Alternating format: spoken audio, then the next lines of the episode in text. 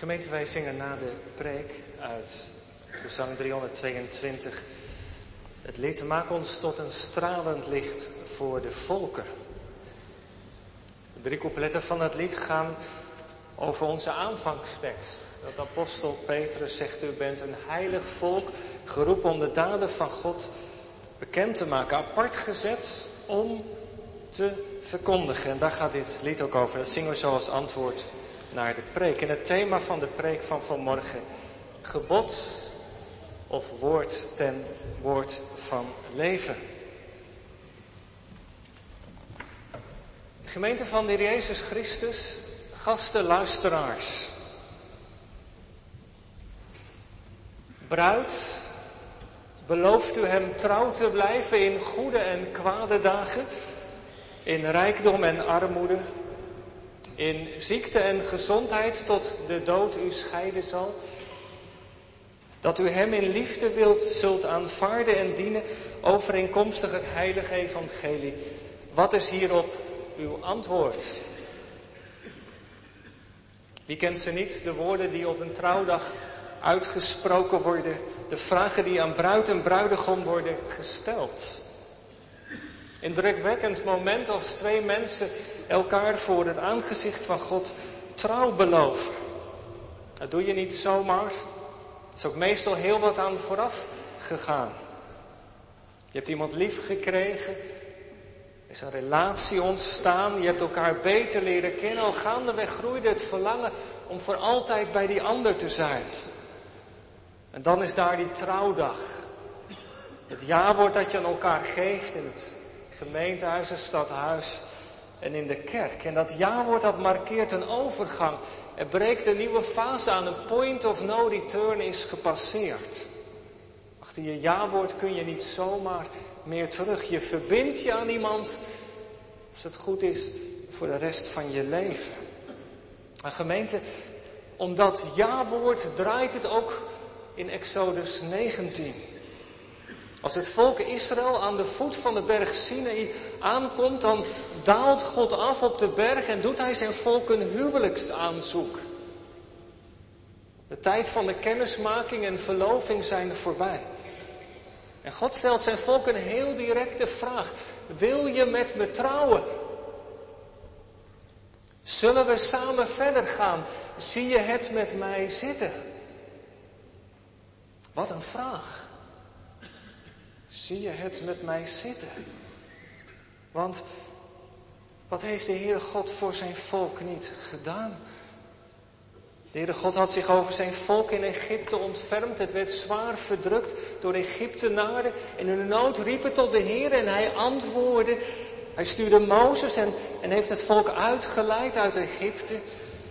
Met grote macht en majesteit en die achtervolgende legers van de farao heeft hij verslagen. Het volk door de Rode Zee gebracht, door de woestijn geleid. Hij heeft voor zijn volk gezorgd. Elke dag en hoe? Met manna, met water, met kwakkels. Wat is er niet wat zijn volk, wat, wat, wat God voor zijn volk heeft gedaan? Van alle kanten heeft God laten zien hoeveel hij om zijn volk Israël geeft. Het volk heeft zijn bestaan aan de Heer te danken. In Exodus 19 lezen we dat ook zo ontroerend.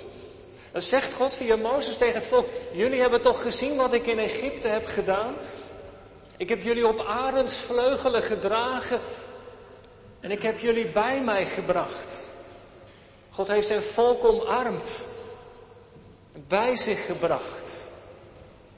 Zoals je als vader moeder doet als je kind gevallen is en het huilt, het rent naar je toe en je slaat je arm om of haar heen, om je zoon of dochter. Zo heeft de Heer zijn volk omarmd en dicht bij zijn hart gebracht. Israël heeft in die bijzondere zorg van God de harteklop van hem kunnen horen. De harteklop van zijn liefde en ontferming. En als hij het niet weg had gerukt, uit de ovens van Egypte, dan was het er al lang niet meer geweest. Dan was het onder voet gelopen door de Egyptenaar. Dat het volk Israël vandaag nog steeds bestaat, is een teken van de genade van God. Van de trouw waarmee hij vasthoudt aan zijn verbond met dat volk. Is nu zo en het was toen ook al zo. Maar ondanks dat het volk helemaal op de hulp van de Heer is aangewezen, het is niet zonder de Heer, stelt God hem wel een vraag. Zullen we samen verder gaan? Hij dwingt ze niet. God wil niet dat zijn volk hem dient uit dwang, omdat ze geen andere keuze hebben, maar hij wil dat ze in vrijheid voor hem kiezen. Wil je met me trouwen? Is de vraag die God stelt daar aan de voet van de berg Sinaï. De periode van kennismaking is al lang voorbij. De Heere God wil een vaste, een duurzame relatie met zijn volk. Hij wil weten of hij op Israël kan rekenen. Als ze verder gaan, dat ze samen verder zullen gaan. En weet u, ik dacht, dat is eigenlijk nog steeds zo, toch? Geloven in de Heer Jezus veronderstelt toch ook die keuze. Dat je ja gezegd hebt tegen Hem. En natuurlijk, Hij is de eerste. In de doop heeft Hij, tenminste als je gedoopt bent, heeft Hij zijn hand al op je leven gelegd toen je nog helemaal niks kon doen en voorstelde. Heeft hij tegen je gezegd, ik wil je God zijn, ik zal als een vader voor je zorgen. Was hij de eerste? Via onze ouders heeft hij ons vertrouwd geraakt met het woord, met de Heer Jezus. Tenminste, zo kan het gaan. Anderen komen op latere leeftijd in aanraking met de Heere God, misschien wel via een alfa-cursus. De Heere God heeft heel veel manieren om mens, met mensen in contact te treden, maar als dat contact gelegd is, dan stuurt hij altijd aan op een vaste relatie. Een beetje vergelijkbaar met de reis die Israël maakte naar de berg Sinaï. Was trouwens geen gemakkelijke weg, dat weten we. Israël was niet bepaald een volhouder in het optrekken met God. En soms was het ook bijzonder ongehoorzaam. Het heeft er zo vaak om gespannen. Er waren zoveel andere dingen die aantrekkelijker leken dan de Heere God. Maar de Heere God liet ze niet los. Hij bleef maar aan ze trekken. Hij liet ze niet los. En dat doet hij trouwens nog steeds niet. Het feit dat u of jij hier bent vanmorgen is ook omdat hij u getrokken heeft. Hij is aan het trekken. Waarom doet de Heer dat? Omdat hij namelijk een vaste relatie met ons wil hebben. Het doet hij alles aan. Het is hem ook alles waard. En hij vraagt vanmorgen, zullen we samen verder gaan? En ik hoop dat je ja zegt. Of u hebt misschien al heel wat jaren geleden ja gezegd. Net zoals dat bij Israël was. Die keuze. Die moet je eigenlijk steeds weer herhalen. Misschien mag je het zo wel zien. Als je beleidenis hebt gedaan, een moment in je leven. Maar, maar elke zondagmorgen doe je dat eigenlijk weer. Elke zondagmorgen als je samenkomt in de kring van de gemeente, dan vraagt de Heere God als het ware aan jou, aan u en mij, volg je me nog? Weet je nog waar het mij om gaat? Wat zeg je dan? Waar gaat het de Heere God eigenlijk om? Nou, dat lezen we in Exodus 19. Daar zegt de Heere God tegen Israël.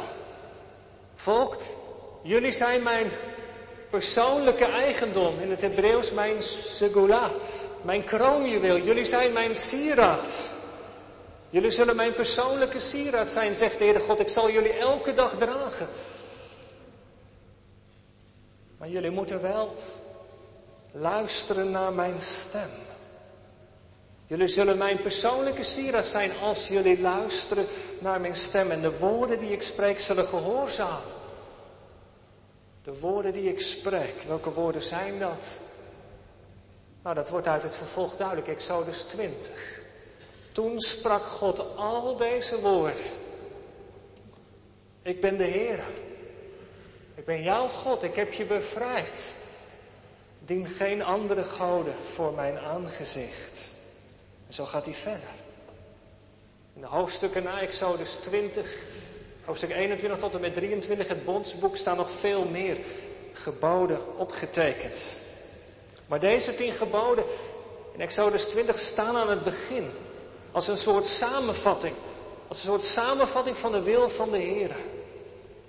En ze zijn ook anders. Als u de Bijbel open heeft, moet u maar eens even kijken.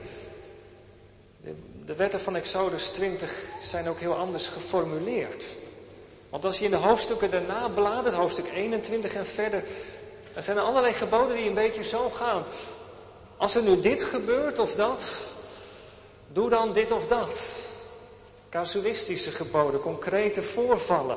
Allerlei regels worden gegeven. Als, als je nou een put graaft en die niet afdekt, en er valt een rund of een ezel in, dan moet je dat op deze wijze vergoeden. Of als iemand het oog van een slaaf of slavin beschadigt, zodat hij blind wordt, dan moet je hem vrijlaten. Enzovoort. Hele concrete situaties waar de God wetten geboden voor geeft. Maar die geboden van Exodus 20 zijn anders. Die zijn als het ware universeel.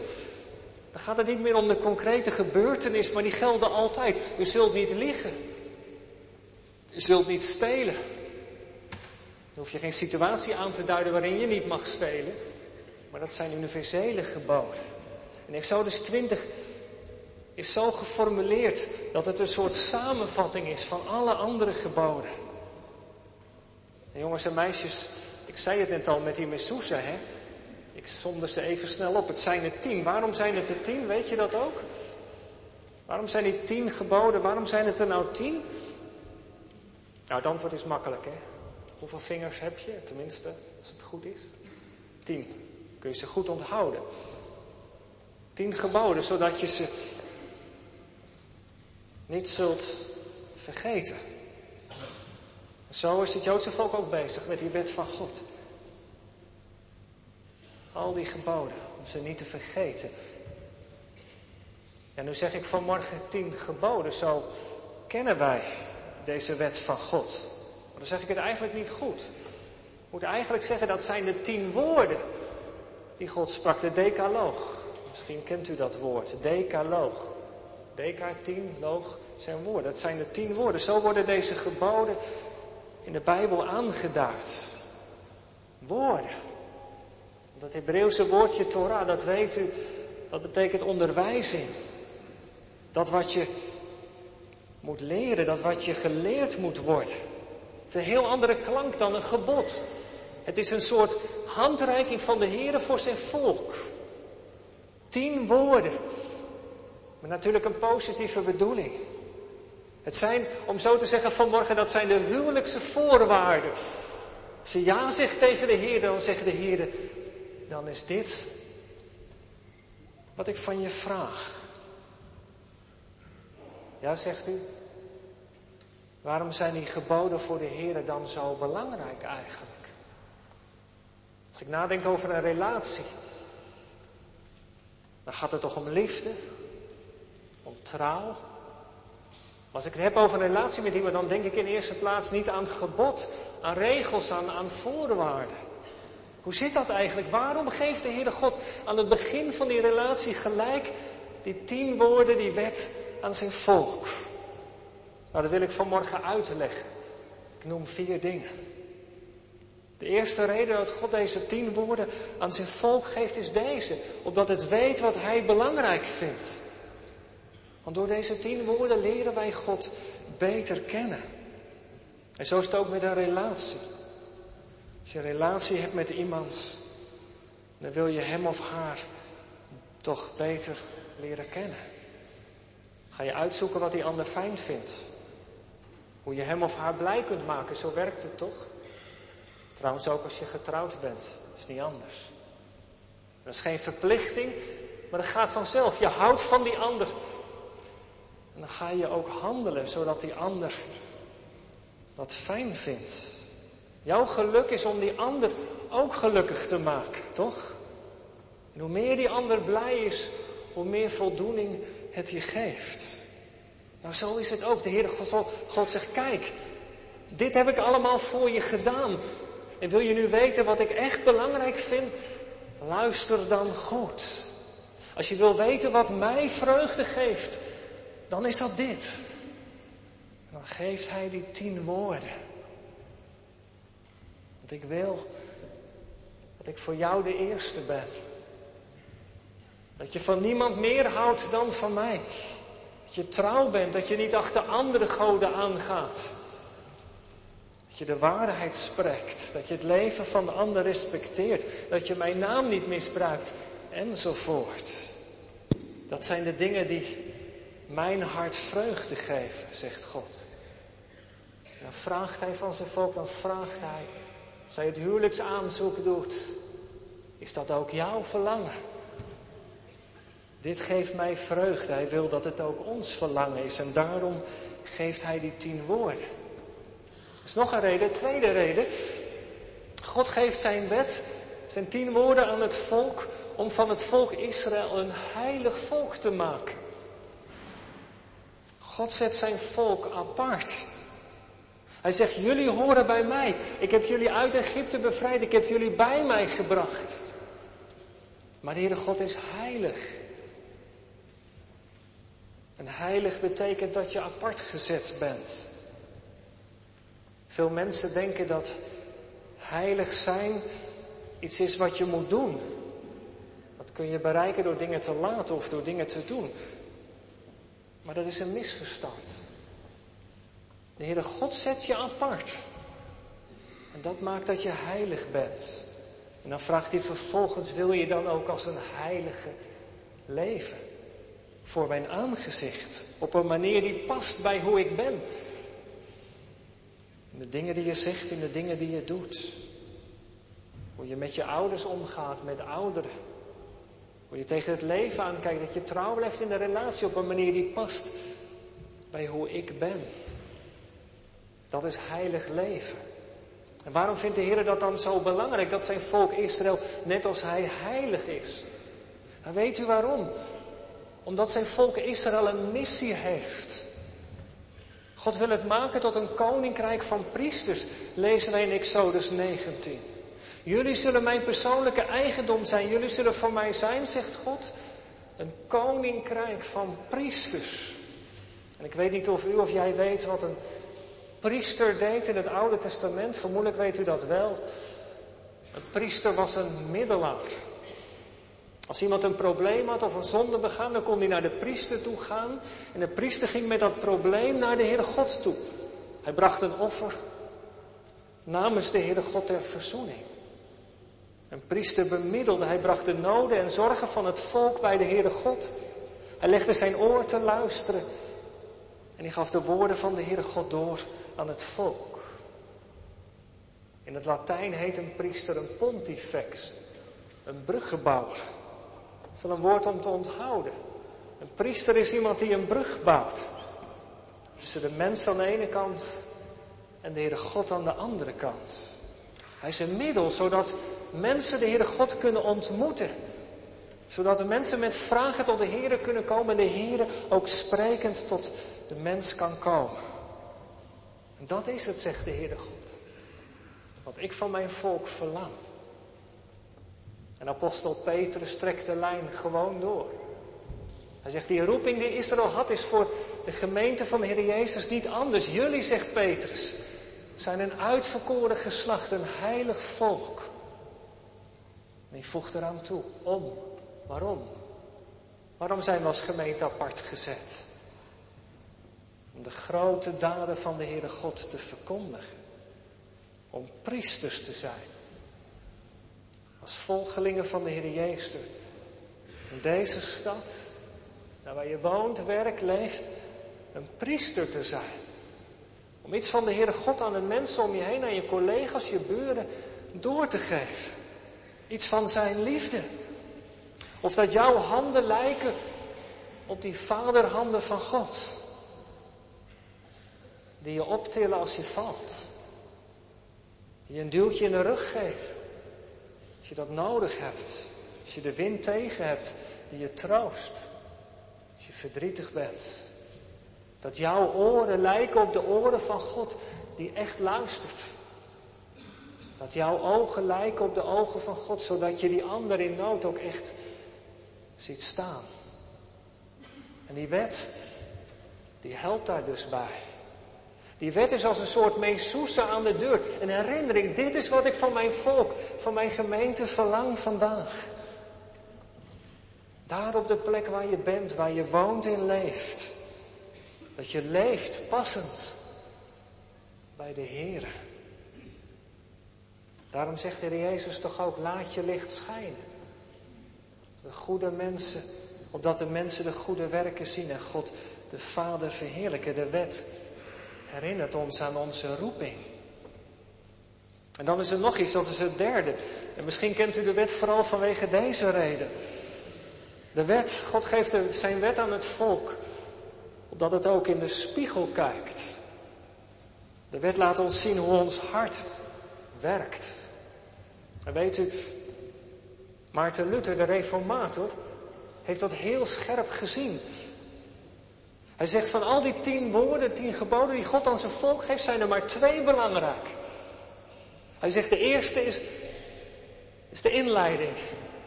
Ik ben de Heere uw God die u hebt bevrijd. Werk van de Heer Jezus, onze heiland.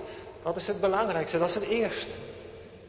En het tweede, zegt Maarten Luther, dat is het eerste gebod. U zult geen andere goden hebben. Zegt al die andere geboden, lieg niet, steel niet, pleeg geen overspel, spreek de waarheid, kunnen tot dat ene gebod herleid worden. Volgens Luther is, is dat eerste gebod het meest belangrijke gebod van allemaal.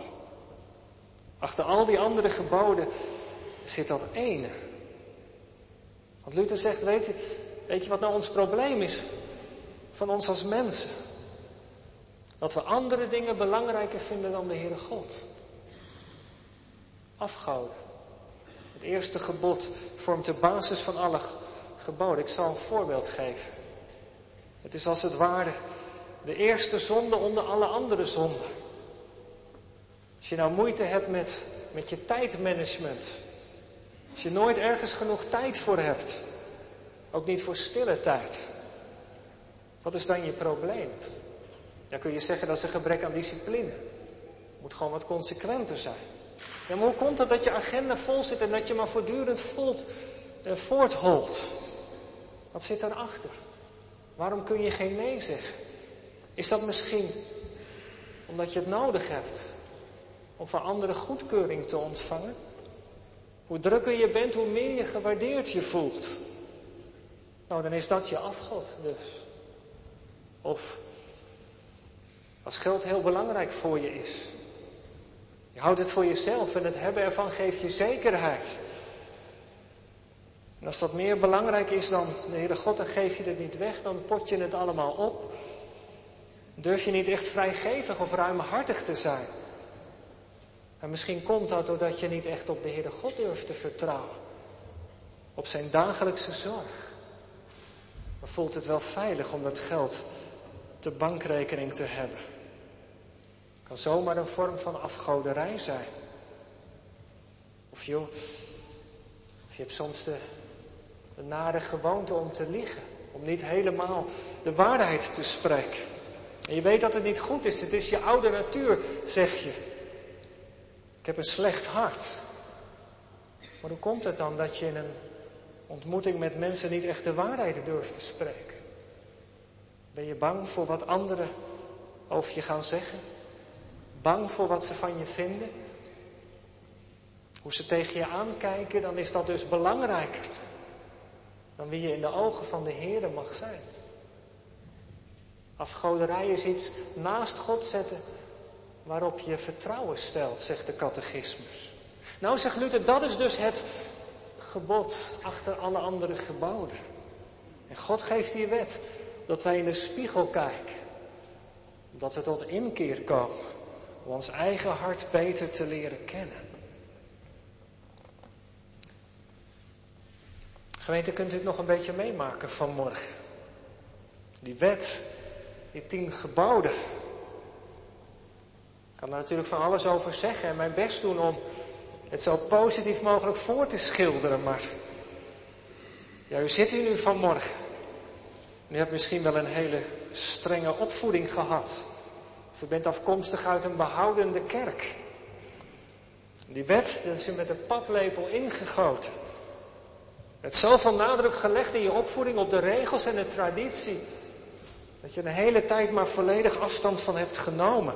En als het over die wet ging, dan ging het vooral, ja, ging het vooral over zondekennis. Het ontdekken van je ellendige staat, ellende, verlossing en dankbaarheid. En dan ook nog in die volgorde. Eerste ellende. En hoeveel regels waren er niet? Geschreven en ongeschreven. hoeveel van die geboden werd je geacht niet te houden? En natuurlijk, altijd is wel benadrukt dat je je zaligheid niet kon verdienen. Maar je moest je wel aan die regels en die tradities houden, want anders zat het niet goed. Was je gewogen en te licht bevonden. Je moest iets doen, maar eigenlijk kon je het niet. Hulpeloos, maar schuldig. En het kan zomaar zijn dat deze opvoeding of deze afkomst uw leven nog steeds stempelt. U zit wel in de Sint-Jan al heel wat jaren, klinken andere accenten, maar zo'n achtergrond, daar kom je niet zomaar los van. Kan zijn dat je zo zit vanmorgen. Die wet, nou nee, liever niet. Mag ik u vanmorgen dan nog op twee dingen wijzen? Eerst is dit. Wanneer geeft de Heere God aan Israël eigenlijk de wet? Doet hij dat voor de bevrijding of erna? Wat doet hij daarna? Hoe begint Exodus 19? Ik heb u op Arends vleugelen gedragen, ik heb u bij mij gebracht. Exodus 20, ik ben de Heer, God die u bevrijd heeft. De Heere God heeft het initiatief. Die verlossing en bevrijding zijn 100% zijn werk. Het volk heeft er niets voor kunnen doen. En dan zegt God tegen Israël, ik heb je bevrijd. Ik heb je apart gezet. Je bent van mij. Leef dan als mijn volk. Leef dan als mijn eigendom. En wij zouden vanmorgen de lijn kunnen doortrekken. Als je door het geloof met de Heer Jezus verbonden bent, dan geldt dat ook. Dan ben je met de catechismus. Dan ben je het eigendom van de Heer Jezus. Zijn kroonjuwel. Heb je daar iets voor kunnen doen? Nee, natuurlijk niet. Dat was 100% genade. Maar dan mag hij het vervolgens toch ook wel vragen. Leef je ook zoals bij mij past? Als je dan door genade mijn kind bent, leef dan als mijn kind. Passend bij mij. De God zegt dus niet gehoorzaam mij en ik zal je accepteren. Het is andersom. Onthoudt u het? Hij accepteert je eerst. Je mag komen tot Hem zoals je bent. En dan, dan gaat Hij spreken. Wil je met mij verder? Nou, dit is wat mij vreugde geeft. Leef dan uit mijn wet. En dan het tweede, en dat brengt mij bij het vierde doel van de wet, en daar sluit ik mee af. Die wet, die drijft mij uit tot de Heer Jezus. Ik kan vanuit mijzelf de wet niet houden. En heel vaak moet ik eerlijk zeggen, heb ik er ook totaal geen zin in. Ik weet het, dat is mijn zonde. Maar dan zegt het evangelie. Er is er één die die wet volkomen heeft gehouden. En dat is de Heer Jezus. Geen titel en jotta van een wet is verloren gegaan. Hij heeft die wet helemaal vervuld. Tot het einde toe. Hij heeft die wet voor mij gehouden. Zo ver wilde hij gaan. Dat hij zijn leven gaf aan het kruis voor al die ontrouwe en ongehoorzame mensen. En als ik nu door het geloof met hem verbonden ben, dan ontvang ik van de Heere God het geschenk wat ik zelf niet kan bewerken. Dan komt zijn geest mijn leven binnen. En wat de Heer van mij vraagt, dat gaat hij zelf door zijn geest in mijn leven, in uw en jouw leven uitwerken. Dat is het evangelie wat wij vanmorgen mogen horen en wat ik u mag doorgeven. Dat in de Heer Jezus God alles heeft geschonken wat we nodig hebben om naar zijn wil te leven. Als we maar met Hem verbonden zijn. Gelooft u dat? Vanmorgen komt de vraag van God tot ons. Wil je met mij trouwen? En de Heere heeft zijn ja-woord al gegeven. Maar wat is hierop? Voor het eerst of opnieuw? Voor God en zijn gemeente jouw antwoord. Uw antwoord. Amen.